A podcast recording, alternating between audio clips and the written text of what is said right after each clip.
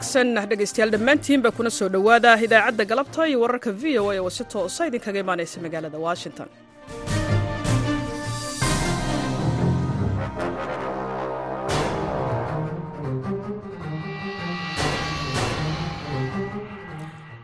Waa maalin axad ah bisha febraayo ee sanadka kana waa waxaad naga dhegaysanaysaan mawjadaha gaagaaban ee lixiyo tobanka iyo sagaaliyo mitrban iyo bogga v o a somaly com. Saacadda afrikada bari waa afartii galabnimo.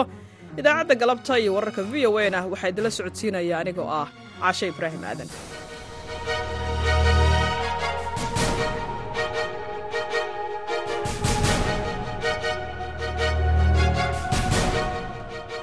qodobada aad ku maqli doontaan idaacadda galabta iyo wararka v o a na waxaa ka mid ah xaaladda nafaqadarrada carruurta soo gaaraysa cisbitaalka baydhabo. Ariitay meesheenayo o bararsanto? Maasha allah ta sifayeelinka ka sheegahay ilaa tuwal yara inka dhiman. Nafaqadaro. Nafaqadaro oo nafaqooba liinseyn kastoo bararka inka degi tan xogayaha guud ee qaramada midoobay antonio guteres oo ka hadlay dhibaatooyinka dayn cafinta afrika.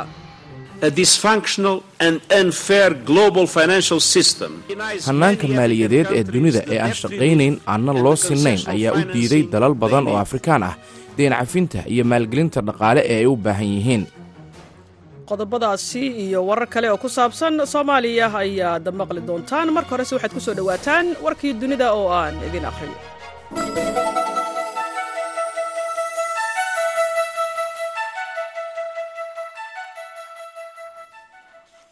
Xogayaha arrimaha dibadda ee maraykanka anthony blinken ayaa booqasho ku tegay dalka turkiga maanta oo axada si uu indhihiisa ugu soo arko khasaaraha ka dhashay dhulgariirkii cabirkiisu ahaa toddoba dhibic sideed oo ay ku dhinteen in ka badan afartan iyo lix kun oo malaayiin qof oo kalena ay ku guryabeeleen turkiga iyo dalka deriska la ah ee syriya intuu ku sugan yahay dalka turkiga waxaa la filaya inuu la kulmo madaxweynaha dalka turkiga erdogan iyo mavluud kasuguflu dhigiisa dalka turkiga kulamada ugu sarreeya ee diblomaasiyadda maraykanka ee turkiga ayaa daba socota booqashadii uu washington ku yimid kosovuglu bishii hore labada dal ee xulafada neeto ah ayaa waxay isku dayayaan inay hagaajiyaan xayndaabkii ay isku khilaafeen duulaanka ruushka ee ukrain oo ay wehliso dalabaadka dalalka sweden iyo finland ee ah in ay ku biiraan xulafada neto si kastaba ha ahaatee shaqaalaha samata bixinta ayaa waxay sii wadeen in ay dadka ka soo saaraan burburkii dhulgariirkii lixdii bisha febraayo ku dhuftay laakiin madaxa hay'adda wax ka qabashada masiibooyinka ee dalkaasi ayaa sheegay in dalkoodu iyo dadaalkoodu uu dhammaan doono axadda maanta ah. Dhinaca kalena xogayaha arrimaha dibadda ee maraykanka antony blinken ayaa sabtidii shalay waxa uu la hadlay ra'iisul wasaaraha israa'el benyamin netanyahu iyo hogaamiyaha falastiin maxamuud cabaas waxaana uu dib u xaqiijiyey taageerada maraykanka ee ah sida hadalka loo dhigay xalka laba dal oo gobolka ka hirgala isaga oo labada hogaamiye weydiistay in xasiloonnida dib loo soo celiyo.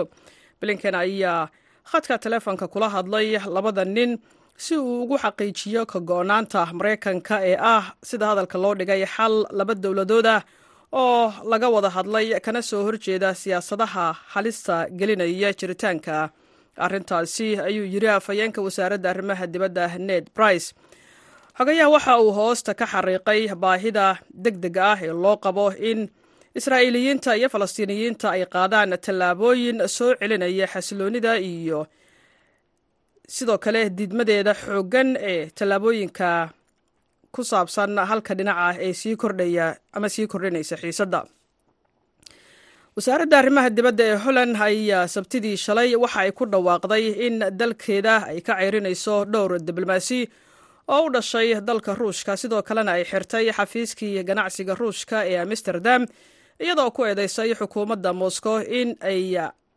xafiiskaasi diblomaasiyadeed u adeegsatay howlo basaasnimo ah.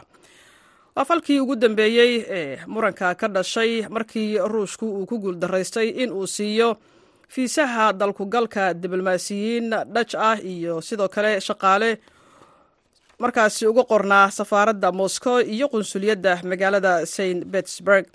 Bayaan ka soo baxay dowladda netherland ayaa lagu sheegay in qunsuliyadda maalinta berita ah ee isniinta ah la xiri doono islamarkaana loo xiri doono shaqaale la'aan laakiin ay safaaradda sii furnaan doonto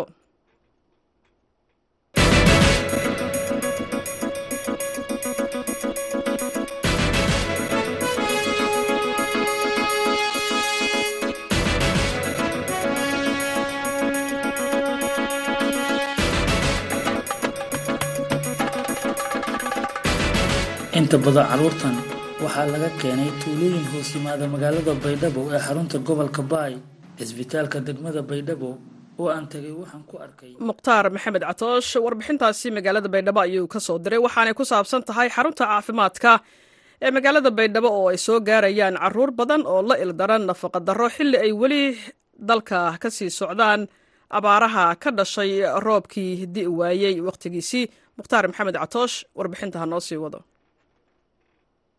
inta badan carruurtan waxaa laga keenay tuulooyin hoos yimaada magaalada baydhabo ee xarunta gobolka baay cisbitaalka degmada baydhabo oo aan tegay waxaan ku arkay carruur badan oo da-doodu ay ku hooseyso siddeed sano kuwaasi oo ku sugan xaalad nafaqa darro. Aamine xuseen macalin waxay ka timid tuulada bargaduud oo duleedka magaalada baydhabo ah waxayna cisbitaalka degmada baydhabo keentay gabar ay dhashay oo saddex sano jir ah taasoo nafaqa darro darteeda la barartay muddo afar maalin ayay gabadheeda cisbitaalka kula jirtaa waxayna ii sheegtay haatan xaaladeeda inay wanaagsan tahay. Ariitay meesheenayo o bararsanto. Maasha allah hata sifayeelinka ka sheegahay ilaa tuwal yara inka dhiman nafaqa daro. Nafaqa daro kasto bararkinka degi. Meega berro geeka ama afarte geeka wala balanka geeka afarte. Bamaneyn dhiman adeeg fayla ka hayna maryan ibraahim cisbitaalka degmada baydhabo waxay keentay cunug hal sano jir ah oo nafaqa darro ay markii cisbitaalka ay keenaysay. Waxay ii sheegtay inuu aada u liitay balse haatan xaaladiisu ay soo hagaagayso. Daaweyntayshaana iifalataleen alxamdulilah hadan infaalada naqafa doro mooshima madilishaale hadda aanamayn dhammaana hadda alxamdulilah waa kiyaraada sugo dhaktar cali macalin aadan oo ka mid ah dhakhaatiirta cisbitaalka degmada baydhabo ayaa sheegay inay soo kordhaysay muddooyinkii ugu dambeeyey tirada carruurta nafaqa darada ee cisbitaalka la keeno. Wuxuu sharaxay dhaktar cali sida ay ula tacaalaan carruurta nafaqa darada la ildaran hata kamarina qeybta milaraay nafaqa darada ciyaalka weli leeyaa cisbitaalka ilaa iyo afar qeybooda leey qaybta esiga oo milaraay jiifka ciyaalka ciyaalka xaaladii iidan liidato xaaladii iidan liidato qeybe oo esi la raaw ama qaybta bukaan jiifa la ree. Qayb kale weli lee milaraay isu bukaan socodka la raaw oo milaraay isu ciyaalka safiir malnutritionka ama xaaladii nafaqa darada iidan liidato yoona milaraay isu malmalaatil kasiyawa istarka yaa hanalgareeyahay weli kale qayb oo ciyaalka moderate ling isticmaalo ama ciyaalka nafaqa dare dhexdhexaadka eta iyona qayb afaraado weli lee milaraay isbitaalka weli lee qayb afaraado iyona b l w la raa oo balaanta milaraay isu hooyooyinka uurka leeyahan nuujisada ee markaas wey satoosa milaraay isbitaalka hanal gareeye qaybta milaraay isu weli lana ilaa iyo afar outreach oo banaanka bahaaso lena afarta outreach oo banaanka bahaas iyona weli ku shaqeeyana health nutrition program ku shaqeeyaan cisbitaalka weli lee qaybtii mataarnatiga leeyey oo dhalmada hooyooyinka leeyey howlwadeennada cisbitaalka degmada baydhabo waxay sheegeen in ka badan toddobaatan carruur nafaqa darro hayso maalintii in la keeno cisbitaalka kuwaasi oo laga keeno tuulooyin hoos yimaada magaalada baydhabo iyo xerooyinka barakacyaasha magaalada baydhabo. Cisbitaalka degmada baydhabo oo keliya ma aha meelaha la geeyo carruurta nafaqa darradu ay hayso sidoo kale xarumaha caafimaadka iyo cisbitaalada kale ee ku yaalla magaalada baydhabo waxaa iyaguna gaara carruur badan oo nafaqa darro la ildaran. Mukhtaar maxamed catoosh v o a baydhabo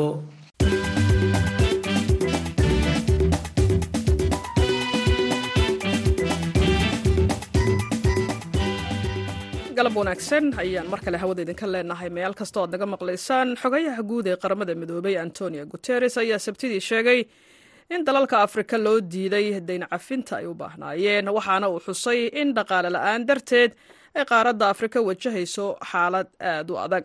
Maya misker ayaa warbixintan diyaarisay.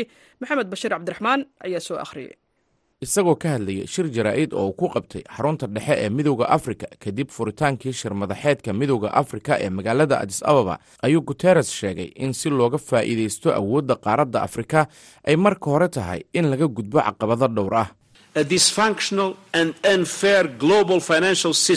Waxa uu yidhi hannaanka maaliyadeed ee dunida ee aan shaqaynayn aanna loo sinnayn ayaa u diiday dalal badan oo afrikaan ah deen cafinta iyo maalgelinta dhaqaale ee ay u baahan yihiin nidaamyada iyo qaabdhismeedyaduba laga bilaabo caafimaadka iyo waxbarashada ilaa ilaalinta bulshada shaqa abuurista iyo sinaanta jinsiga waa kuwo aan haysan maalgelin taageero la'aan awgeed.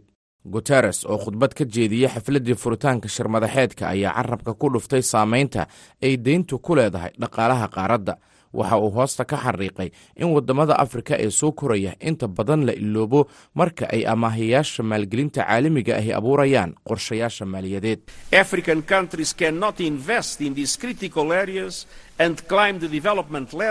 Waddamada afrikaanka ahi ma maalgashan karaan kaabayaasha muhiimka ah waxayna jaranjarada horumarka koraan iyadoo gacmahooda dhabarka looga xiray guteres ayaa waxa uu tilmaamay in afrika ay aad uga maqan tahay golaha ammaanka ee qaramada midoobay iyo hay'adaha britain woods that provides debt relief and restructuring to vulnerable countries, including middle income countries, while providing immediate debt suspension and write downs to countries in need. waxa uu yidhi waxaan u baahannahay qaabdhismeed cusub oo deynta ah taasi oo bixinaysa deen cafin iyo dib u habaynta waddamada nugul oo ay ku jiraan waddamada dhaqaalahoodu dhexdhexaadka yahay. Iyadoo dalalka u baahanna la siinayo deen hakin deg deg ah. Guddoomiyaha guddiga midowda afrika muuse faqi maxamed ayaa jeediyey khudbaddii furitaanka shirmadaxeedka midowda afrika waxaana ku xigay ra'iisul wasaaraha ethoobiya abi axmed xafladdii furitaanka. Waxaa ka mid ahaa xil wareejinta guddoomiyaha midowda afrika ee xilligan oo madaxweynaha senegal maki sall ku wareejiyey madaxweynaha comoros azali asumani mowduuca shirka midowda afrika ee sannadkan waa dardargelinta aagga ganacsiga xorta ah ee qaaradda afrika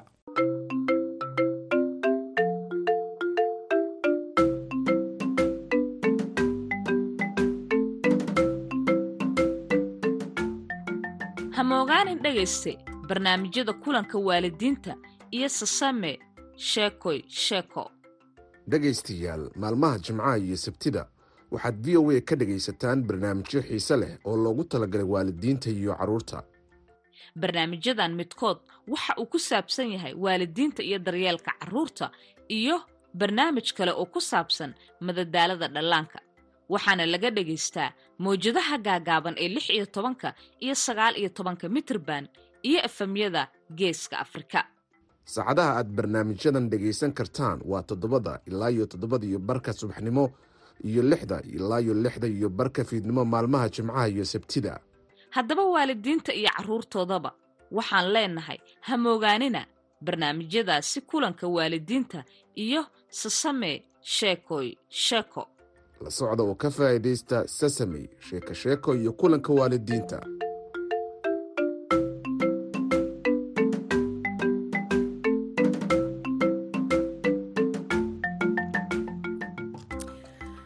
Galabaxadow wanaagsan ayaan mar kale hawada idinka leenahay. Meel kasta oo aad naga maqlaysaan magaalada hargeysa waxaa ka socota carwo ganacsiyeedka tobnaad ee somalilan taas oo ka qayb galeen shirikadaha iyo warshadaha wax soo saarka somalilan carwadan waxaa soo qabanqaabisay rugta ganacsiga somalilan haddaba khadar maxamed cakulle ayaa waxa uu booqday goobta ay ka socoto waxaana uu la kulmay qaar ka mid ah ganacsatada ka qayb gashay carwada magaalada hargeysa waxaa ka socotaa carwada ganacsiga ee tobnaad ee somalilan taasoo ay ka qayb gelayaan qaybaha kala duwan ee ganacsiyada noociisa kala duwan. Qaar ka mid ah shirkadaha wax ku soo bandhigay halkan ee wax soo saarkooda ayaan la kulmay. Ugu horeyn walaan magacaaga iyo balle shirkadani aad ka tirsantahay waxa ay soo bandhigayso. Kombanigana waa nasri baby shop oo keenta alaabaha dhararka carruurta iyo qalabka elektrooniyada guryaha lagu isticmaalo shiiditaanka iyo ridiqyada iyo dhammaan agabka elektrooniyada ee kala duwan ee lagu isticmaalo house consumtionka ama guriga isticmaalka guryaha loo isticmaalo. Noocyadooda kala duwan iyo nooc wal oo ay u baahan yihiin adeegyada guryaha cusube. Waxaannu carwadan uga faa'iidaysanaynaa inaannu u bandhigno dadka alaabo qiimo jaban leh oo boqolkiiba afartana laga daynayo iyo alaabo ku habboon dhammaan isticmaalka bisha rabadaan oonu ugu talagalnay macaamiisha ka faa'iidaysanaysa carwadan qanacsiyaadkan tobnaad ee ka socota hotel mansoor hargeysa somalilan markaa dhammaan macaamiishu aad bay ugu qanacsan yihiin. Adeegyadan aanu fidinayno. Abubakar maxamed muuse laydha walaal. Magacaaga wala marka hore iyo shirkadda. Magacaygu waxa weeye injineer maxamed sacad muse waxaa ka mid ahay tiimka hilibsan. Shirkadda waxaa la yidhahdaa hilibsan combany waa shirkad qaabilsan adeega sida magaca inooga muuqata hilibka noocyadiisa kala duwan khudaarta kalluunka digaagga hilibsan waxa ay qabataa macaamiisha ayay si v i b ugu adeegtaa hilibsan adeeg kasta oo guri ama hoteel ama abartment ama jo ama meel kasta oo de cunto waxraash lagu karinayo adeegeeday qabataa. Waxaa intaa usi dheer delivery freeah hilibsan waxay kaga duwan tahay suuqa ay dadbawaxay suuqa kaga duwan dad bani isweydiiyaan waxay kaga duwan tahay hilibkeedu horta waa nadiif. Caafimaadka xoolaha waa xoola la soo baadhay oo caafimaadkooda la hubo broseska kawaanka iyo ka productionka iyaga broseska saddexaad ama meesha saddexaadee taabanaysa waa qofka macmiilka ahee loo geeyey. Marka hilibsan intaasay kaga duwan tahay suuqa. Hagaag markana bandhiga carwada waxaan soo gaadhay bogcad ama goob ay shirkadda telesom ku soo bandhigayso adeegyadeeda. Cabdiraxmaan aadan shire waa madaxa suuqgeynta iyo xiriirka bulshada bal haddaa carwadan iyo haddaad faahfaahisid. Khadaro walaal aad iyo aad baad u mahadsan tahay carwadan waa carwadii tobnaad ee ganacsiga ee ay soo qaban qaabiso rugta ganacsiga somalilan guud ahaan shirkadaha dalka noocyadooda kala duwan way ka soo qayb galeen. Ha noqdaan kuwa isgaadhsiinta ha noqdaan bangiyada ha noqdaan kuwa badeecadda kala duwan iibiya xataa kuwa dal wax soo saarka dalka runtii sameeya waa laga soo qayb galay. Annagu telesom gruub ahaan runtii gruubkii telesom dhammaan shirkadihii kala duwanaa way joogaan. Ha noqo telesom oo telecommunicationkiia daarasalaam bank oo bangigii ah somgas dhaweeye cabson matco oo runtii gawaadhi brand ah oo zero kilomitera runtii haya oo iibinaya. Dhammaan runtii qaybihii kala duwanaaye shirkadu way ka soo qayb galeen. Carwadana runtii waa loogu yimid marka haddaad dul martid maxay kaga duwan tahay carwooyinkii hore? Walaal guud ahaan runtii waxaan aad iyo aada u dareemaynaa carwadan waa tii tobnaad. Carwadan carwadii ka horreysay sagaalaad burca ayaa lagu qabtay. Runtii waxaan aad iyo aada u dareemaynaa carwadani inay aada uga duwan tahay carwooyinkii hore. Laba arrimoodba runtii waa la dareemayaa. Ka qaybgalka ganacsiyadu runtii ay ka qayb galeen iyo siday ugu soo bandhigayaan adeegyada kala duwan wax soo saarka dalka runtii dee waxyaalo badan oo wadanka lagu warshadeeyey oo aynaan ogeyn ayaabana carwada runtii lagu arkay. Marka ganacsatadu waxay fahmayaan muhiimadda ay leedahay carwadu. Bulshadiina way fahantay oo runtii waad dareemaysaa dadku say u socdaan sideedda subaxnimo ilaa sideedda habeennimo albaabadii baa xataa la xidhi kari waayey. Marka runtii waxaad arkaysaa bulshadiina inay fahantay ganacsatadiina horumar badan runtii ay samaynayaan. Aad iyo aad baan ugu mahadnaqaynaa runtii rugta ganacsiga ee soo abaabushay. Annaga telesom ahaan runtii sanadkan waxaanu runtii adeegyadeydii kala duwanaana waanu keennay waxa ugu muhiimsan adeega fiber optiga oo runtii ah ganacsigu maanta wuxuu u baahan yahay wuu isbedelay technolojiyad baa loo guuray. Annagu ujeeddada aanu runtii carwada uga soo qayb galnay waa inaanu muujinno kaalinta telesom ay ugu jirto bulshada iyo dalka iyo ganacsiyada inay xagga technolojiga ka haqabtirto maxamed cakule v o a hargeysa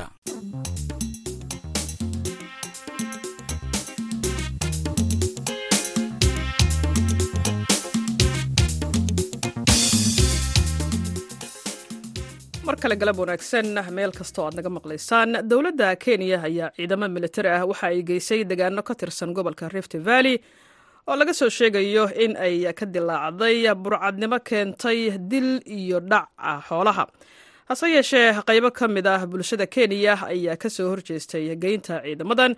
Warbixintan waxaa inoo haya maxamed faarax shire xukuumadda dalkani kenya ayaa waxay qaadatay in ciidamada militariga dalkani kenya loo daabulo deegaanada kore gobolka rift valley oo qulqulatooyin ahli ay ka soconayaan. Deegaanadaas ayaa waxaa ka soconaya burcada gudaha degmooyinka kala duwan xoolaha ka dhacaysa dadkana laaynayso dowladuna haatan waxay sheegtay in ciidamada militariga halkaasi la geeyey ayna dhexgeli doonaan dhaqdhaqaaqyada kooxahaasi ay sameynayaan ayagoo tiro fara badan oo xoolana dadku halkaasi ay ku kala dhacayaan waa qoomiyadaha saamburu dhexdeeda iyo weliba. Qoomiyadaha kale deegaanka turkana degane dalkani kenya. Go'aankaasi dowladda dalkani kenya haatan ay ciidamada militariga ugu daabulayso gudaha goboladaasi ayaa waxaa gadafka ku dhiftay kana hor imaaday ururka iskaashiga looyarada ama abuukaatayaasha dalkani kenya ee loo yaqaana l s k oo shaaciyey in aysan sharci ahayn ciidamo militari ah gudaha dalkani kenya lagu isticmaalo cabsi intaasi la egna. Aysan ka jirin gobolka rift valley madaxweynaha dalkani kenya william ruuto uu ka soo jeedo.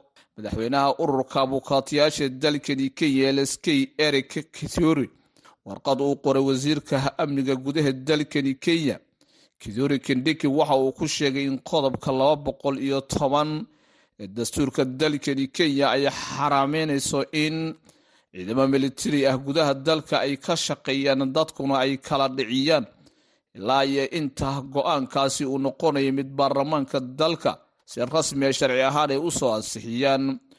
Waxaa warqadiisaasi uu ku sheegay in ilaa iyo haatan golaha baarlamaanka ee dalkani kenya aysan caddaynin sababaha loo geynayo ciidamo halkaasi mana jiraan isbedelo lagu sameeyey ayuu sheegay wasaaradda amniga gudaha dalkani kenya waxayna sheegeen in ay doonayaan in maxkamadii ay istaagaan si ay uga hortagaan go'aankaasi maalinta isniinta ee fooda inagu soo hayso.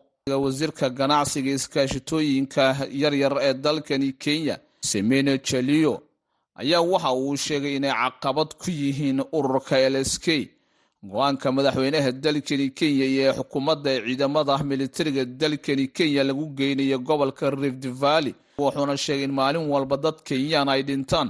Xilli uu ka qaybgelaya aaska mid ka mid a dadka ku dhintay duulaamada dowladda dalkani kenya ma aha markii ugu horreysay oo si noocan oo kale ah.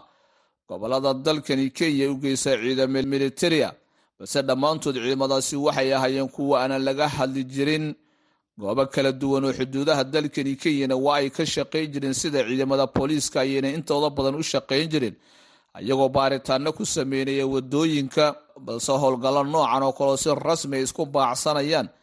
Burcad gudaha dalkani kenya ama aysan jirin marka laga reebo in ciidamada militariga inta badan isku baacsadaan gobollada waqooyiga dalkani kenya. Kooxda al-shabaab ee qulqulatooyinka xiliyada qaarkood ka geysata gudaha dalkani kenya. Maxamed farax shire v o a garisa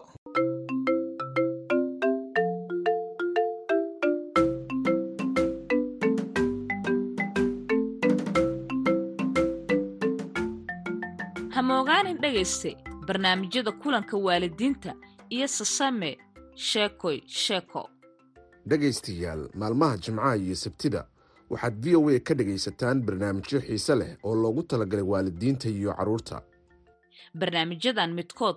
Waxa uu ku saabsan yahay waalidiinta iyo daryeelka carruurta iyo barnaamij kale oo ku saabsan madadaalada dhallaanka.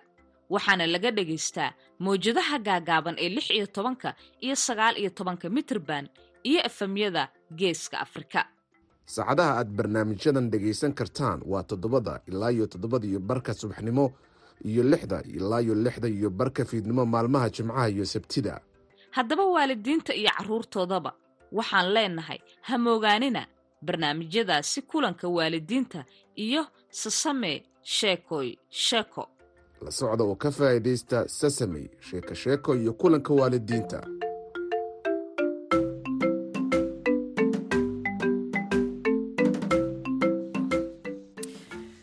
galabaxada wanaagsan. Mar kale meel kasta oo aad naga maqlaysaan wararkan iyo warbixinada waxay si toosa idinkaga imaanayaan laanta afka soomaaliga ee v o a.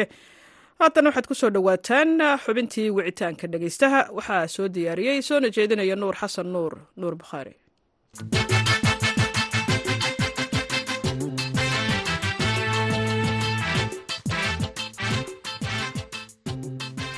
kulanti wanaagsan dhegaystayaal soomaaliya waxaa ku soo noqnoqday welina ka taagan masiibooyin isugu jira kuwo dabiici ah iyo kuwo aanan dabiici ahayn. Khubarada ayaa sheegaya in laga hortegi karo qaar ka mid ah masiibooyinkan sida abaaraha fatahaadda iyo colaadaha. Haddaba toddobaadkan waxaan barnaamijka wicitaanka dhegaystaha diiradda ku saari doonaa. Sababaha ay masiibooyinka ugu soo noqnoqdaan soomaaliya sida loogu diyaargaroobi karo dhibaatooyinka caafimaad ee ka dhasha gaar ahaan mahadhooyinka saameynta ku leh maskaxda iyo sida lagu xallin karo. Waxaa marti iigu ah doctor cawaale cabdulaahi oo ah xogeyaha guud ee ururka dhakhaatiirta qalliinka soomaaliya. Khibradna u leh la tacaalidda dhibaatooyinka caafimaad ee ka dhasha masiibooyinka. Waxa uu hadda doctor cawaale ka howlgalaa isbitaalka doctor sumayd ee magaalada muqdisho doctor cawaale waa mahadsan tahay ku soo dhawow barnaamijka wicitaanka dhegeystaha. Nuur runtii aad aad u mahadsan tahay waa ku dhowahay barnaamijka. Waxaan rabaa inaan mahad celiya maamulka iyo dhegeystayaasha iyo shaqaalaha kulli ee v o a. Waa mahadsan tahay adigaa mudan. Haddii aan guda galno barnaamijka masiibooyinka maxay u kala baxaan? Haddii aad noo faahfaahiso runtii musiibooyinka sida guud waxaa loo kala qaybshaa mid ka timaada waxay afka qalad ku yidhaahdaan natural disaster oo ay ka mid tahay hadda musiibadii ka dhacday walaalaheen turkiga oo kale ee dhulgariirka daadadka iyo maxaa la yidhaahdaa waxyaabahaas oo kale ayaa waxaa lahaa midda waa naturalka ama midda dabiiciga ah iyo mid oo man made ah ama conflicteska ka yimaada sida midda annagana heystoo kale oo dagaalada iyo qaraxyada iyo guryaha oo aan maxaa la yidhaahdaa ka kacan oo kale waxyaabahaan la yidhaahdo holaca iyo waxyaabahaas oo kale kuwaasna waa wax oo inta badan ay dadka sameeya iyo bridjada sida qaldan loo dhisoo kale markii sida hadda haddaa xasuusto laba sano saddex sano ka hore ehdaa umalaynaa talyaaniga oo kale bunda go'day oo kale iyo waxyaabahaas oo kale. Annaga dalkeen oo kale hadda dhismooyin iyo dhismooyinka waaweyn oo kale inta la dhisoo kale oo iska dumas. Waayahay marka haddii aan xoogga saarno dalkeena soomaaliya masiibooyinka ka dhacay haddii aan dul istaagno inta maadaama aad khibrad u leedahay oo aad ka soo shaqaysa arrimahan. Annaga musiibooyinkan ugu badan waxaa ugu caansan middan oo inta badan abaaraha inta badan aan la kulanno oo welibada welibana keenta majaac ama maxaa la yidhaahdaa qofki in uu ay baahi u keento kale oo markii xoolaha dhammaadaan dalagii iyo waxyaabahaas oo dhan ay dhammaadaan oo kale aad u saameyso gobollo badan oo soomaaliyana ay saameyso waxaa kaloo jirta musiibada kalena waa middan floodinka ay dhahaan oo kale oo daadadka oo kale webiyada. Weliba labadan afar gobol aan dhaho oo koonfurta soomaaliya ama shan gobol iska dheh. Bay iyo bakool aan dhehe jubbooyinka iyo kuwan kaloo la yidhaahdo shabeellooyinka oo afartaasa ay aad u saameysaa webiyada iyo kuwaas iyo roobabka iyo roobabka iyo hiiraan aad u saameysaa mid kaloo ayadana halisa jirto oo dhibaatooyinkii dalka ka dhacay qaraxyadii ka soo bilaaw sidii dowladda u dhacday ilaa maantadan la joogo oo mar walba dagaaladii dhibaatooyinkooda ay sii badanayaan tan ugu badanoo hadda ah qaraxyadii ugu dambeeya weliba labada qarax oo halista ahaa kii zobe one oo labada kun toban iyo todoba dhacay iyo zobe two oo dhacay labada kun labaatan iyo labadii dhammaadkeed waa garta. Marka maadaama aad tahay dhakhtar caafimaad haddii aan ka fiirino dhanka caafimaadka dhibaatooyin intee la eg ayaa ka dhashay maxaa ka xasuusataa aan kala qaadna marka dhanka dhibaatooyinka colaadaha kuwa ka dhashay haddii aan ku hormarno.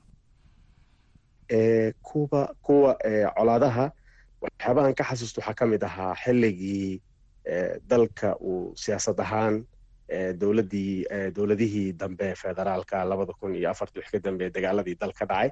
Oo inta badan anigana aan ka shaqaynayna isbitaalada dalka iyo maxaa la yidhaahdaa aan joognay iyo siday dadka u saameynaysay qaraxyadii iyo dhibaatooyinkii jiray iyo xilligii dhexe oo labada kun iyo iyo tobanka oo abaarihii dalka ee ayagana saameeyeen oo weliba abaartii ugu darneed oo waagaas waxaa la dhahaya lixdan sano oo abaartii ugu darneed ee soomaaliya saameysaa la dhahayay ayadana ay dad iyo dunyaba ay u dhimanayeen waxay cunaan iyo ayagana waayahay qaraxyadii hadda haddii aan tusaale u soo qaato kii zoba oo kale carabkaa ku dhifatay weliba laba ayay ahaayeen kii sanadka labada kun toddoba iyo tobankii iyo kii sanadkana dhaafay octoobar hal bilay wada dhaceen oo bisha octoobar marka maadaama aad waddanka joogtay dhibaatooyin caafimaad xaddi intee la eg ayaa ka dhashay. Waa uun iska tusaale inkastoo qaraxyada ay badnaayeen dagaaladuna ay badnaayeen. Nuurow waxyaabaha urkutaaladan ugu reebta waxaa ka mid ah labada qarax ba aniga waa joogay dalkan ka shaqaynayay kii horena bukaano badan ayaan qaabilay kanna bukaano oo tiro ah ayaan qaabilay oo qalimiya u samaynay. Waxyaabaha cajiibka waxaa ka mid ah xilliyada ay dhacayeen xilliyo inta badan shaqada ay dhalinyar dhakhaatiirta iyo isbitaalada laga baxa waaye waa xilliyada casirada iyo wixii ka dambeeya walow isbitaalada kulli ay wada diyaarsan yihiin laakiin waa dareemi kartaa markii dadkii manpowerkii xoogga lahaa ama dhakhaatiirtii consultantiga aan yidhaahno oo khibradda lahaayo ay shaqada ka sii rawaxayaan oo kale. Labo waxyaabaha cajiibka waxaa kaloo ka mid ahaa isbitaalada hal mar ayaa waxaa la keenaya dhaawacyo oo ka tira badan. Intii hore dhiig ku filan isbitaalada muusan oolin dalkasaa la socotid. Bank blood bank ma jiro intaasoo dhan waxaa sii dheereed dadka qofka markay musiibo dhacdo inta badan qaraabada isbitaaladay wareegaan. Xataa ma jirin maxaa la yidhaahdaa guddiyadii wixii kale abaabuli lahaa. Saa la socotiina markay dadka musiibada ku dhacda qaar badan ogaal ma leh qaar badan dhaawacyadooda halis waaye magacyadooda ma garan karaan registration dalka male oo dadka lagu kala garan kara xataa ma jiro. Qaara ilaa haddadan oo laba kun labaatan iyo saddexda aan joogno. Qaara ilaa hadda waxay laayihiin qaraabadood inay nool yihiin inay dhinteen keliya og inay subaxii soo baxeen meydkoodina ilaa hadda aanan maxaa ama wax calaamad muujinaysa inuu qofkoodii dhintay. Aanan aanan haynin marka caqabadahaas oo dhan ayaa jiray. Alxamdulilah dalka wuu jiraa wax la dhaho.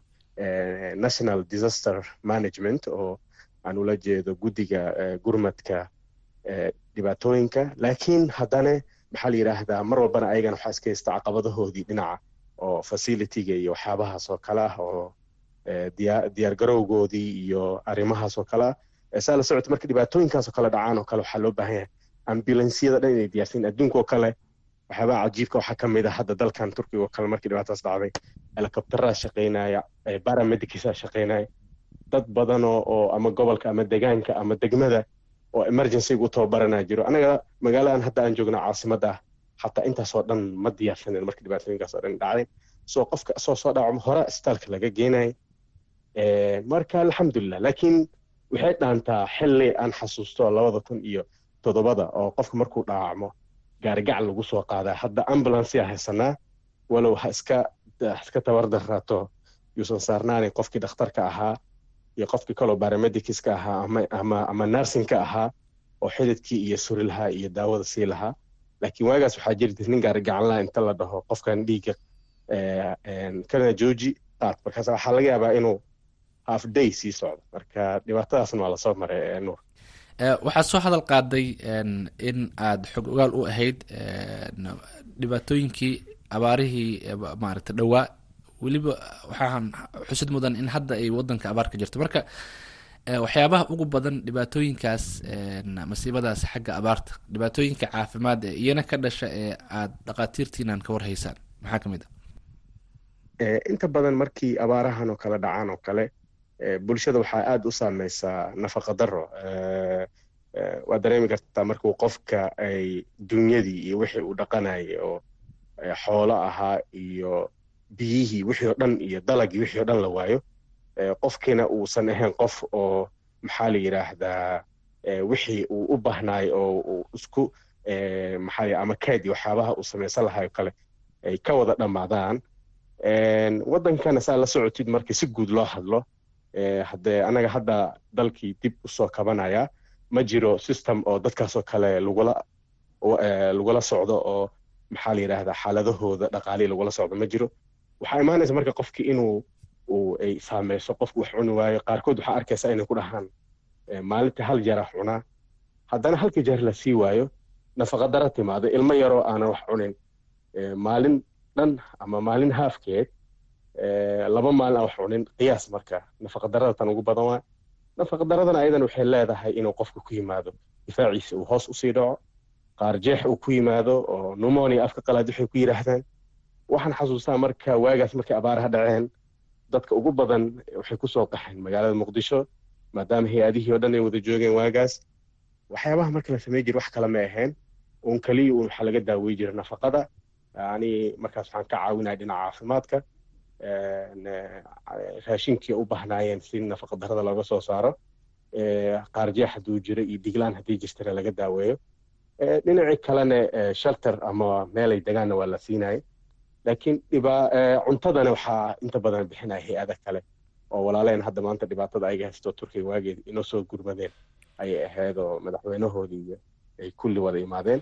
Marka haddana intii oo kalaa jirto walow dowladda dadaasha hadda xilligan oo dadkii laga hortegay intay soo qaxi lahaayeen siiba jubbooyinka iyo shabeellooyinka haddana waxaa indhaha laga qasa karin in ayadana ay weli jirto dhibaatooyinkaas oo nafaqadaradan ugu horeyso waayahay doctor cawaale igu jir khadka dowrka dhegeystayaasha ayaan geli doonaa dhegeystaha ugu horreeya ayaan jeclahay in aan soo dhaweeyo. Soo dhawo magacaygu waa ayuub nuur maxamuud waxaan joogaa degmada baxda galmudug soomaaliya. Daadiyaha barnaamijka iyo doctoorkaba aad baa idiin salaamay. Doctor waxaa jirta musiibooyinka kuwa dabiiciya iyo kuwa aan dabiici ahayn mahadhooyin ku reebta maskaxda. Tusaale ahaan qofka qaraxyadoo kaleeta ay saameeyaan ama xoolihii oo kaleeta ay ka nabaad guuraan oo abaaroo kaleeta markay dhacaan oo kaleeto waxaa jirta in qofka uu waayo xoolo badan oo uu horay u lahaayo kale. Marka waxaa faahfaahin iga siisaa dadka u maleeya inay caafimaad qabaan ee magaalada socda. Haddana qaba mental problemka kaleeto waa maxay waxyaabaha mataqaanay daawada ama ka hortaga u leh waa mahadsantaha ayub waad mahadsan tahay waxaa jirta cilmi baaris oo horena loo sameeyey oo hay'adda qaramada midoobay w jo andhaho iyo isla sameeyeen. Jaamacad jaamacadaha dalka mid xataa hadda dhowaa jirto jaamacadda ummadda ay ka qayb qaadatay oo looga hadlaayo sida soomaalida u saameysay cilmi baaris hore waxay dhehaysay saddexdii qof ee soomaaliya. Mid ka mida ayaa dhinaca maskaxda culays ka gaaray ayadoo u sababeynaysa dhibaatooyinkii iyo qaraxyadii iyo abaarihii iyo dhaqaala darida ee dalka jirta iyo dowlad la'aanta intaba saameynaysay. Tan hadda ugu dambeysa ayada waba ka sii badinayaba oo almost waxay sii gaarsiinaysaa boqolkiiba toddobaatan macnaheeda. Marka waa xaalad aniga waxaan dhihi lahaa ayub muuqata ummadana saameysay dhibaatooyinka dalka jira. Waxa keliyana loo baahan yahay haddaad i weydiisidee lagu xallin karan waxay tahay in la helo dal nabdoon. Maxaa la yidhaahdaa ummad heshiis ah lagu lagu xallin karo. Ade mar haddii nabad timaadane inta kalena way imaanaysaa saasaan aaminsanahay. So haddii qaraxyada yaraadaan dadka beerahoodii waxoodiia lagu laabanayaa culayskii dhinaca dhaqaalaha iyo waxaasoo dhan xalismaya way yaraanaysaa marka cudurrada maskaxda iyo dhibaatooyinka gaara aadaad u mahadsan tahay doctor cawaalo waa mahadsan tahay aniga oo su'aasha ayuub uu ku weydiiyey daba socda dhakhaatiirta xagga maskaxda waxaad moodaa inay ku yar yihiin waddanka marka culayskuna aad ayuu u fara badan yahay sida aad hadda xustay marka maxaa la gudboon dadka dhibaatooyinkaasi la nool dhinaca xagga maskaxda qaraxyada iyo colaadaha iyo rabshadaha aniga waxaan qabaa nuur waxaan qabaa dalka maadaama intaasoo dhibaatooyin ay jiraan waxyaabo waxaa jiro oo annaga dhaqan noo ah diinna noo ah inuu qofka maadaama musiibo mar walba ay imaanayso dhibaatooyin kastana dhacayaan inuu qofka horta marka koowaad ilaahay ku xirnaado. Marka musiibooyinkaasoo kale maskaxda sii saameysana halis badanee sii leeda oo qofka inuu ka fekero suicidal wax la yidhaahdo oo qofka inuu ama nafta isdhaafsiiyo ama ama qof kale dhibaato u geysto. Talada ugu fiican waxay tahay marka in hadda xoogaa waxaad moodaa in sida hore la dhaamo xarumana waa la furo oo lagu daaweeyey dhinaca maskaxda iyo talooyin. Labada groupna waa la helaa dhakhaatiirta oo psychiatrist way dhahaan oo maskaxda mental healthiga.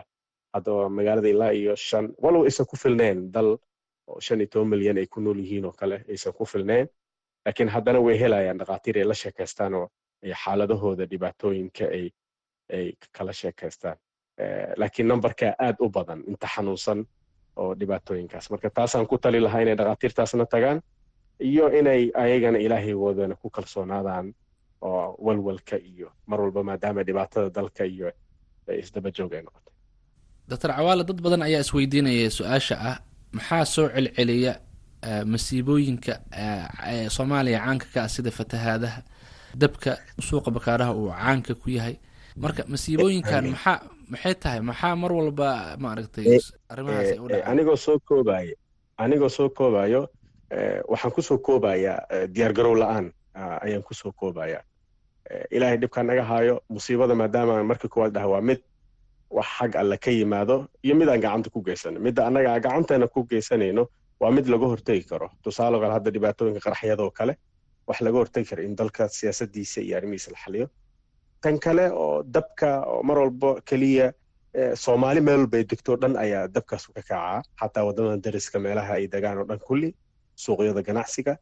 Dhibka ugu badanna waxaa waa waddooyinka iyo suuqa meelaha soo gelaya iyo dadkii aan kala aqooninba maxaa la yidhaahdaa waxyaabaha la kala fogeeyo. Tusaale oo kale waxaa arkaysaa meel shidaal lagu gadaayo uu qof sigaar ku cabayo ama gabar ay shax ku aggadayso oo dab shidan yahay. Meel gaas oo baashan cooking oo maxaa lahaye oo lagu karsanayo istuufadii oo wax kale lagu sameynayo so marka waxyaabahaas oo dhan in la kala fogeeyo oo ma la maamulo oo welibana maxaa la yidhahdaa maamulka ama degmada ama degaankaasi ama suuqaas hadduu leeyahay laga hortago. Midda daadadka runtii muddo badan ayaan ayadana wakti badan geliyey. Welibana waxaan xasuustaa daadadkii ugu dambeeyey ee beledweyne iyo gobollada dhan oo koonfurta soomaaliya waxyaabaha dhibka ugu weyn wuxuu ka mid ahaa webiga. Saa la socod soddon sano ka hor waxaa la samey jiray waa la qodi jiray. Laakiin muddooyinka dambe waxaad dareemaysaa inaan arrimahaas oo dhan aysan jirin oo biyihii ay ay maxaa la yidhaahdaa daadanayaan ay ku daadanayaan maxaa la yidhaahdaa xaafadihii iyo degaanadii ku daadanayaan. Marka waxaa meesha ka muuqata marka diyaar garow la'aan ayaa ka muuqata sida sida sida haddii aan haddaan haddaan haddaan idhaahdo dhegeystayaal weli waxaan ku guda jirnaa barnaamijka wicitaanka dhegeystaha oo aan toddobaadkan uga hadlayno diyaar garow la'aanta masiibooyinka ka dhaca soomaaliya. Dhegeysto kale ayaan jeclahay inaan u baaqo. Soo dhowo assalaamu calaykum bahda v o a. Magacaygu waa cabdisalaam kajooje oo jooga magaalada galdogob ee gobolka mudug. Bahda v o a iyo martida waan salaamay. Doctoorka waxaan weydiinayaa haatan dadweynaha sanadihii u dambeeyey musiibooyinka dabiiciga waxay ka noqdeen wax iska caadi ah oo mar walba soo laalaabta. Musiibadii turkiga iyo suuriya ka dhacday ee dhulgariirka ee dadka fara badani ay ku dhinteen ayaa u dambeysay. Marka haddii aan eegno africa oo aan soomaaliya ka sii eegno soomaaliya oo dal musiibooy maxaan ku idhahdaa hadda soo kabanaya ah oo dal muddo burbursanaa oo musiibooyinka yaryarka ahaa ee fatahaadaha iyo sunaamida u adkaysan weyday ilaahay naguma keenay musiibooyinka waaweyn oo kale hadday dhacaan. Xaalkeedu sidee noqon karaa? Mase u diyaar tahay? Cabdisalaan aadaad u mahadsan tahay. Haddaan su'aashaada soo koobo waxaan dhihi lahaa maya. Si guud haddaan uga hadlo. Haddaan laakiin si hoose u idhaahdo waddanka waa jiraa guddi qaran ee dhibaatooyinka u jira. Way dadaalaan runtii wax badanna waa la qabtay. Waxaa ka mid a abaarihii daadadkii qaraxyadii xataa haddaa xasuustid gurmad iyo waxyaabaa lasa sameeyey laakiin haddana waxaad moodaa markii dhibaatada dhacda keliya inay shaqaynayaan laakiin aysan qorshaha ku jirin sidee looga hortagaa? Ilaahay nooma keeno. Dalkan aan u ducayno in tii turkiga ka dhacda ama tii sunami ka dhacda labada kun iyo afartii inaysan ilaahay dalkeena ka ridin. Laakiin haddee dhacdo musiibo mid oo aad u daranay noqonaysaa ummadda dhan way ku baaba'aysaa. Waxaana daliil kuugu filan qaraxyadii yaryaraayo adduunka marka la fiirsho iyo soomaaliya way kala duwan tahay. Kii koowaadoo lix boqol waxaa aaminsanahay in la badbaadin karay lixda boqol aan ku weynay maxaa la yidhaahdaa qaraxi koowaad iyo boqol iyo xoogaagii hadda boqol iyo soddon meelaasaan ku qiyaasayaa ee la waayey in almost fifty percent ama ka badanba seventy percent la badbaadin karay. Aniga saasaan aaminsanahay. Waxaana keenayo isbitaaladeenii wadooyinkii magaalada ambulansiyada oo shaqaynayo dhaqaatiirta maxaa la yidhaha marka koowaad bukaanka arkaayo emergencyga dadki gargaarka degdega samee lahaa waxaasoo dhan inuusan connection fiican ka dhexayn isbitaallo emergencya la sameeyo ilahay dhibkaa naga haya haddii dhibaatooyinkaas kala dhacaan gubasho zaa'id ee dhacdo kale in meelo gooniya loogu talaga haddii hadda daaro badanaa dalka la dhisaya xataa ma jiro sida sida saxda ah qaab iyo qorshooyin. Haddii maanta ay jug weyn ee dhacdo kale ama wixii turkiga ka dhaco kale daarahan dhaadheeroo tobankii xoogaa gaara xamar laga wada dhisay halis badan ay ku jiraan. Marka waa wax u baahan qorsho oo oo maxaa la yidhaahdaa madani ah iyo qorshooyin waaweyn in oo la sameeyo oo dhinacyo badan ee wada kaalmaysan laakiin saasay tahayna dadaalkana ma yara. Aadaa umahadsan tahay cabdisalaan gabagabadii ayaan soo gaarnay doctor cawaale adiga oo soo koobaya masiibooyinka dabiiciga ah kolley waa wax aanan laga fursanayn kan colaadaha wadanka maaragtay weli waa ay socdaan alla ayaa og xilliga ay iyaguna dhammaan doonaan. Marka sidee loogu diyaar garoobaa sidee dhaqaatiirtiinan iyo dowladda iyo hay'adaha kale ay ugu diyaar garoobi karaan masiibooyinka sida abaaraha si hadda maaragtay ka wanaagsan sida hadda ay ugu diyaar garoobaan? Sidee loo badbaadi karaa nafaf badan oo maaragtay halis ugu jira haddii ay masiibo kala dhacdo? Runtii nuur aad aad u mahadsan tahay runtii waxaad moodaa inta dunida la joogo la nool yahay ummadda iyo dhibaato iyo musiibooyin kulli way dhacayaan laakiin waxa dunida lagu kala tegaa waxay tahay sidee loo yarayn karaa khasaara ma laga fekero see loo joojin karaa laakiin maxaa see lagu yarayn karaa khasaaraha dhibaatooyinka waxaaba tusaale kale waxyaabaha aadka hadda noo saameeya waxaa ka mid a abaaraha. Abaaraha waxaa loo baahaya national plan oo dalka in maxaa la yidhaahdaa laga fekero daaqi iyo maxaa la yidhaahdaa iyo iyo xoolihii ummadda la haystay iyo beerihii in la wanaajiyo si dadkii miyiga jooga aysan dhibaatooyin ula kulmin ceelal iyo wixii loo sameeyo webigii laga faa'iidaysto waxyaaba saas oo kale ah. Ta labaad oo ah daadadkoo kale sidee loo yarayn karaa? In waxyaabihii hadda ka sheekeynayo kale in webiyadii la falo oo biyihii meesha si fiican uga baxaan caratuurada webiga dhexdiisa ku samaysma laga saaro si looga wada faa'iidaysto meelo oo journalist yar yar loo sameeyo haddii biyaha ay aad u badan yihiin oo kale si looga faa'iidaysto. Tan saddexaad oo ah qaraxyadan iyo dhibaatooyinka. Meelo badan waxaa jirta weliba qaraxyada waxyaabaha la ogaado waxaa ka a meelahay ku badan waxaa ka a meel aagan ay yidhahdaan zobe iyo adi aagag badanaa jira oo magaalada inta badan qaraxyada ka dhacan iyo dadka kulmaan. In meelahaasoo kale amni fiican loo sameeyo magaalada amnigeeda laga fekero. Marka si dhibaatooyinka ummaddaasoo kale loo yareeyo annaga caafimaad ahaan maxaana laga rabaa? Waxyaabahana laga raba waxay tahay cuduradaasoo kale markay yimaadaan. Abaartoo kale markay timaado inaan sii diyaarino nafaqeyntii ilmaha yaryar iyo dadka waaweyn. Labadaba la diyaariyo. Markii biyaha daadadku xas yimaadaan kale inaan diyaarino dadka waa dhaawacmi karaan. Waxyaaba ayaa mudi kara waxyaaba saas oo kale dhaawacayaa gaari kara inaan ka hortagno. Qaraxyadoo kalena la mid waayo. Weliba inaan isbitaalada diyaarino. Dhakhaatiirtii qalliinka oo troma tromada surgeoniska ku fiican la diyaariyo. Iyo intaasoo dhan waxaa ka sii muhiimsan follow up. Hadda waxyaabihii oo aan isweydiinayna ka ahayd oo aan ula jeedo markii dhibaatadii dhacday saddex bil kadib lix bil kadib maxaa la sameynaya bostromatic haddii aan ka hadlayno ummadda saameynayso dhibaatooyinka qaraxyada iyo abaaraha qofku way saameynaya markuu soo xasuusto boqol neef oo geelow lahaa oo hal maalin ama laba bil saddex bil oo uga baaba'ay qof milyaneer ahaa oo maanta hal xaba aan haynin in qofkaasoo kale qaabkii ama loogu gurmo lahaa ama qaabkii loo daaweyn lahaa troma healing dhakhaatiirtii maskaxda la badin lahaa la soo saaro waxyaabo badanay u baahan tahay. Intaasoo dhanne waxa keliya qaban kara waa guddiga ama maxaa la yidhaahdaa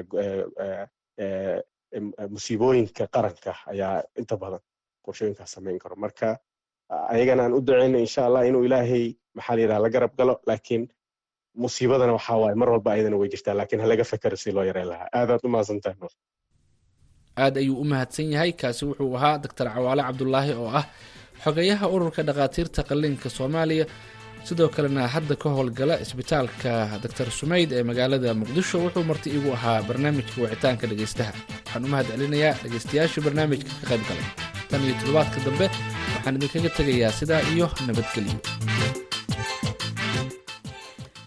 aad iyaad u mahadsan tahay nuur xasan nuur bukhaari oo barnaamijka wicitaanka dhegaystaha nala socodsiinayey haatanna dhinacaas iyo ruushka dowladda maraykanka ayaa si rasmi ah waxa ay u shaacisay in ruushka uu dembiye ka dhan ah bini'aadminimada ka geystay dalka ukrain hadalkan ayaa soo baxaya xili magaalada munikh ee dalka jarmalka lagu qabtay shir ammaanka la xiriira. Warbixin arrintani ka qortay v o eda waxaa inoo soo koobaya cabdixakiim maxamuud sharwac khudbad xusid mudan oo sabtidii ay shirka ammaanka ee magaalada munikh ka jeedisay madaxweyne ku-xigeenka maraykanka kamala haris oo sidoo kalena ahaan jirtay dacwad ooge ayaa bixisay faahfaahin la xidhiidha. Dembiyada uu ruushku ay u geysteen dadka rayidka ah ee reer ukrain haris ayaa xustay caddaymo ay ka mid yihiin tiradada dhibanayaal ah oo laga helay buja. Waxyar kadib markii ruushku uu duulaanka qaaday bishii februari ee sannadkii hore duqayntii uu bishii maaja sagaalkeedii ka geystay cusbitaalka hooyada dhallaanka halkaasoo ay ku dhinteen saddex qof oo ku jiro ilmo yar iyo weliba tacadiye dhinaca galmada ah oo wiil afar jir ah uu geystay askari ruusha kaasoo lagu xusay warbixinta qaramada midoobay. Ficiladaasi ayaana madaxweyne ku-xigeenku cambaaraysay kuna tilmaantay. Qaar axmaqnimo ah islamarkaana bini'aadamnimada ka baxsan. Haris ayaa sidoo kale sheegtay in maraykanku uu sii wadi doono inuu yukrain gacan ka siiyo baadhitaanka dembiyada noocan oo kale ah xildhibaan linsey graham oo ka tirsan aqalka sanadka dalka maraykanka oo isaguna ka qaybgalaya shirkan ayaa ku ammaanay haris hadallada ay shirka ka jeedisay. Waxaana uu warbaahinta magaalada munikh ugu sheegay in hadalladaasi ay jeedisay. Ay ahaayeen mid ka mid a khudbadaha ugu saamaynta badnaa ee laga jeediyey shirka ammaanka ee magaaladaasi munikh danjiraha yukrain u joogta maraykanka oksana karkofa ayaa iyaduna haris ku boogaadisay caddaymahaasi waraysi ay sabtidii siisay titaniya forsoko oo ka tirsan qaybta yukrain la hadashay idaacadda v o a. Waxaanay tidhi haddii ay tahay dembiyo dagaal oo ka dhacay yukrain haddii ay tahay dembiyo dandansia haddii ay tahay xasuuq amaba dembiyo kaloo ruushku ay ka geysteen yukrain aad bay muhiim u tahay in laysla xisaabtamo. Marka laga hadlaya caddaymaha ay soo bandhigtay hari sabtidii ayaa geesta kale kooxda kormeerta dagaalka oo ah barnaamij ay baritaarto wasaaradda arrimaha dibadda maraykanku ay sii daayeen warbixin madax bannaan oo faahfaahinaysa shabakadda ruushku uu wado iyo weliba hannaan loo adeegsado in dib loo soo raro kumanaan carruur ah meelaha uu ruushku gacanta ku hayo. Maalintii jimciyana xildhibaan jo minshin oo ah senator laga soo doorto west virginia islamarkaana ah xisbiga dimuqraadiga iyo sheli mos oo ka tirsan jamhuuriga ayaa jimcihii soo bandhigay. Qaraar wada jir ah oo dagaalka ruushka ah in loogu aqoonsado xasuuq waxaana uu senator munshin yidhi duulaanka xamaqnimada ah ee putin iyo weliba ficilada arxandarrada ah ee dagaalku waxa ay dheliyeen xasuuq ka dhan ah dadka reer yukrain askarta reer yukrain ee duulaanka ruushka iskaga caabinaya magaalada yar ee ku taalla bariga bakhmuud ayaa dalbanaya hub badan. Dimitri oo ah askari ayaa isaga oo dhex taagan meel barafa ah oo u dhow bakhmuud warfidyaanada isagoo la hadlaya yidhi nasiya agab badan oo militari hub badan waananu la tacaali doonnaa ruushka soo duulay waananu burburinaynaa. Gantaalaha ruushka iyo weliba hubka altalariga ayaa lagu qaraacay dhismayaal ku yaalla magaalada khamiistii halkaasoo ay ku dhinteen saddex nin iyo weliba laba gabdhood iyadoo sidoo kalena sagaal kale ay ku dhaawacmeen sida uu sheegay dacwad oogaha dalka yukrain ciidamada ruushka ayaa muddo bila ah isku dayaya inay qabsadaan bakhmuud magaaladan oo xilli ahayd mid ay degganaayeen toddobaatan kunoo qof ayaa hadda noqotay mid si joogta ah loo duqeeyo. Geesta kalena khudbadda sabtidii shirkan ammaanka ee magaalada munikhu ka jeediyey. Ra'iisul wasaaraha dalka britain riishi sunak ayaa uu hogaamiyayaasha dunida ku booriyey inay bixiyaan hub dheeriya iyo weliba damaanad ammaana si yukrain iyo weliba inta kale qaaradda yurub looga ilaaliyo daandaansiga ruushka ee hadda iyo weliba ka mustaqbalka iman doona. Sida ay xustay wakaaladda wararka ee royters dagaalka yukrain ka socda ayaa keenay inay ku dhintaan kumanaan qof laga barakaco malaayiin guri saameeyey dhaqaalaha dunida sidoo kalena putin ka dhigay mid ka soocan dalalka reer galbeedka aad iy aad u mahadsan tahay cabdixakiim maxamuud jirwac ayuu ahaa oo nala socodsiinayey warbixintii ay qortay v o e da halkaad kala socoteenna laanta af soomaaliga v o e si toosa idinkaga imaaneysa magaalada washington. Dhalinyaro soomaali ah oo ku nool dalka kanada ayaa wada dadaallo lagu taageerayo waxbarashada magaalooyinka qaar ee soomaaliya. Dhallinyarada ayaa lacag ay iska ururiyeen waxa ay ku dhiseen xarumo waxbarasho. Xuseen nuur xaaji ayaa warbixintan ka soo diray magaalada toronto dhallinyaradan ayaa muddo wada sidii loo taageeri lahaa waalidiinta ku nool soomaaliya ee aanan awoodin in caruurtoodu ay geeyaan dugsiyada waxbarashada. Lacagaha taageerada ah ayay iska aruuriyaan kadibna ay u diraan soomaaliya si loo hirgeliyo xarumo waxbarasho oo ardayda ay si bilaasha wax uga bartaan. Ma jirto hay'ad ama dowlad siisa dhaqaale sida ay qaarkood ii sheegeen. Yaasiin abikar oo ka mid a dadka wada barnaamijkaasi taageero ayaa iiga waramay dadaalada ay wadaan intay burburtay dowladdii hore ee soomaaliya. Waxaa jiray dhibaatooyin badan oo la xiriir dhinaca waxbarashada gaar ahaan weli tuuladan waxa ay lix kilomitr u jirtaa degmada wallaweyn. Waxay qasab ku noqotay in dadka mar walba ay ka soo logayaan tuulada cusmaan ay u soo logayaan degmada wallaweyn ilaa lix kilomitr taasina ay keentay inay mataqaanaa cariiri ay ku noqotay. Den markaan anaga la hadalnay odayaashii deegaanka waxay noo sheegeen in dhib weyn uu ka jiro dhinaca waxbarashada ciyaalka xataa hadday tagaan degmada wallaweyn mararka qaarkood aysan heli karin galaasaad iyo iskool ayaga mataqaana ay wax ka bartaan maadaama iskuulaadka ay buuxaan dadkiina ay badan yihiin. Taas darteeda waxaan isku daynay marka anagoo dhalinyaro qurba joog ah inaan is urursano kadibna aan dhisno iskuul ka kooban lix fasal iyo xafiis. Iskuulku waa free ciyaalka way tagaan waxun bay ka bartaan. Waana muhiim in dhalinyarada laga caawiyo dhinaca waxbarashada. Haddii kale sidaan la socno soomaaliya waxa hadda inta badan dadka dib u dhiga waa dhinacan jahliga iyo waxbarasho la'aanta. Marka waxaan ku dadaalanaa in dhalinyarada ay wax bartaan islamarkaana ay noqdaan dad mustaqbalka soomaaliya beri wax u qaban dhowaanahan waxaa soo kordhayey fahamka dhalinyarada soomaalida ee dalka iyo dibadda ee ku aadan sidii loo xoojin lahaa waxbarashada dalka islamarkaana loogu shaqeyn lahaa si iskaa wax u qabso ah si loo kobciyo garaadka bulshada rofeor xuseen warsame oo bare ka ah jaamacadda kaalgari ee dalkan kanada ayaan xilli sii horreysay weydiiyey aragtidiisa ka aqoon-yahaan ee ku saabsan dadaalada waxbarasho ee ay wadaan dhallinyarada. Dadaalka dhallinyarada ay ku hirgelinayaan xarumo waxbarasho iyo caafimaad waa wax aad iyo aad loogu farxo. Horta marka horeda waxaa la yidhaahdaa ma habboona runtii in la sheeg sheego sadaqada iyo waxtarka in la sheegsheegaa ma fiicna. Laakiin marka haddana aad doonayso in lagugu daydo oo dhallinyaradii kalena ku dayato la doonayo aad bay u bannaan tahay oo in laga hadlo oo la faahfaahiya raadiyoga laga sheega arrintaas waa arrin aad iyo aad muhiima ta kale waxaa la yidhaahdaa culummadu isku raacsan yihiin dhaqaaluhu. Lacagta la geliyo waxbarasho iyo caafimaad ayaa ah runtii waxa ugu wanaagsan ee maalgelinta ugu wanaagsan la samayn karaa. Sababtaa waxaa la idhaahdaa deed dad waxbartay oo caafimaad qaba ayaa dhaqaale samayn kara hay'adda qaramada midoobey u qaabilsan waxbarashada ee unesco waxay sheegtay in dagaalada iyo abaaraha rigaadiyey soomaaliya ay sababtay in carruur badan aysan helin waxbarasho. Laakiin dad badan ayaa aaminsan dadaalada dowladda hay'adaha gaarka loo leeyahay iyo dhallinyarada soomaalida ee dhisaya xarumaha waxbarasho ay wax ka bedeli karto xaaladda waxbarasho la'aan ee haysata carruurta soomaalida. Xuseen nuur xaaji v o a toronto. Aad iyaad u mahadsan tahay xuseen haatanna waa heestii adigoo aan cuud dhaqan caashaqan ku taabtaan cudurdaar u yeelay ceeb kale miyaan dhigay. Codadka xasan aadan samatar iyo xaliimo khaliif magool. Codadkooda iyo heesta caashaqa habaayicin ciidana ka dhigay gogol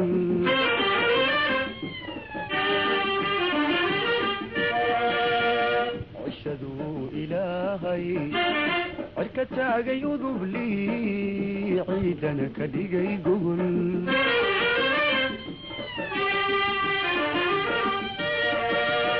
webiyadaa cartamayo cirifyadaa badkaga xidhay iyo buuraha culus webiyadaa cartamayo cirifyadaa badkaga xidhay iyo buuraha culus cimrigeed adduunyada waxaa jira colliyo nabade cayriyo nin xoolaale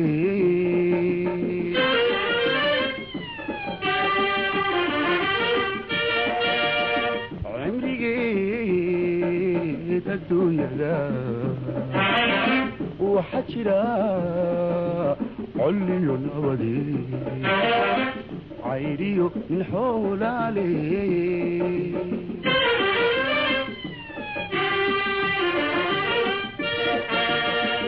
iyo laba iscaashaqay caawana kamay tegin caynkaynu ku ogay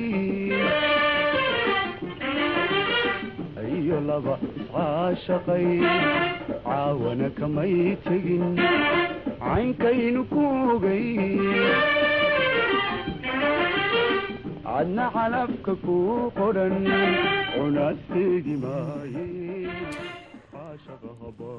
caashaqa habaayicin codkaasi waxa uu ahaa xasan aadan samatar waxaa ku lamaan allah u naxariistay codka xalima khaliif magool. Wakhtiga ayaa si diiday inaan dhammaystirno heestaasi. Guud ahaan idaacaddii ayaa intaasi ku dhan. Dhinac soo saarista wuxuu ahaa bashiir abikar caasha idinla socodsiinaysay. Nabadgelyo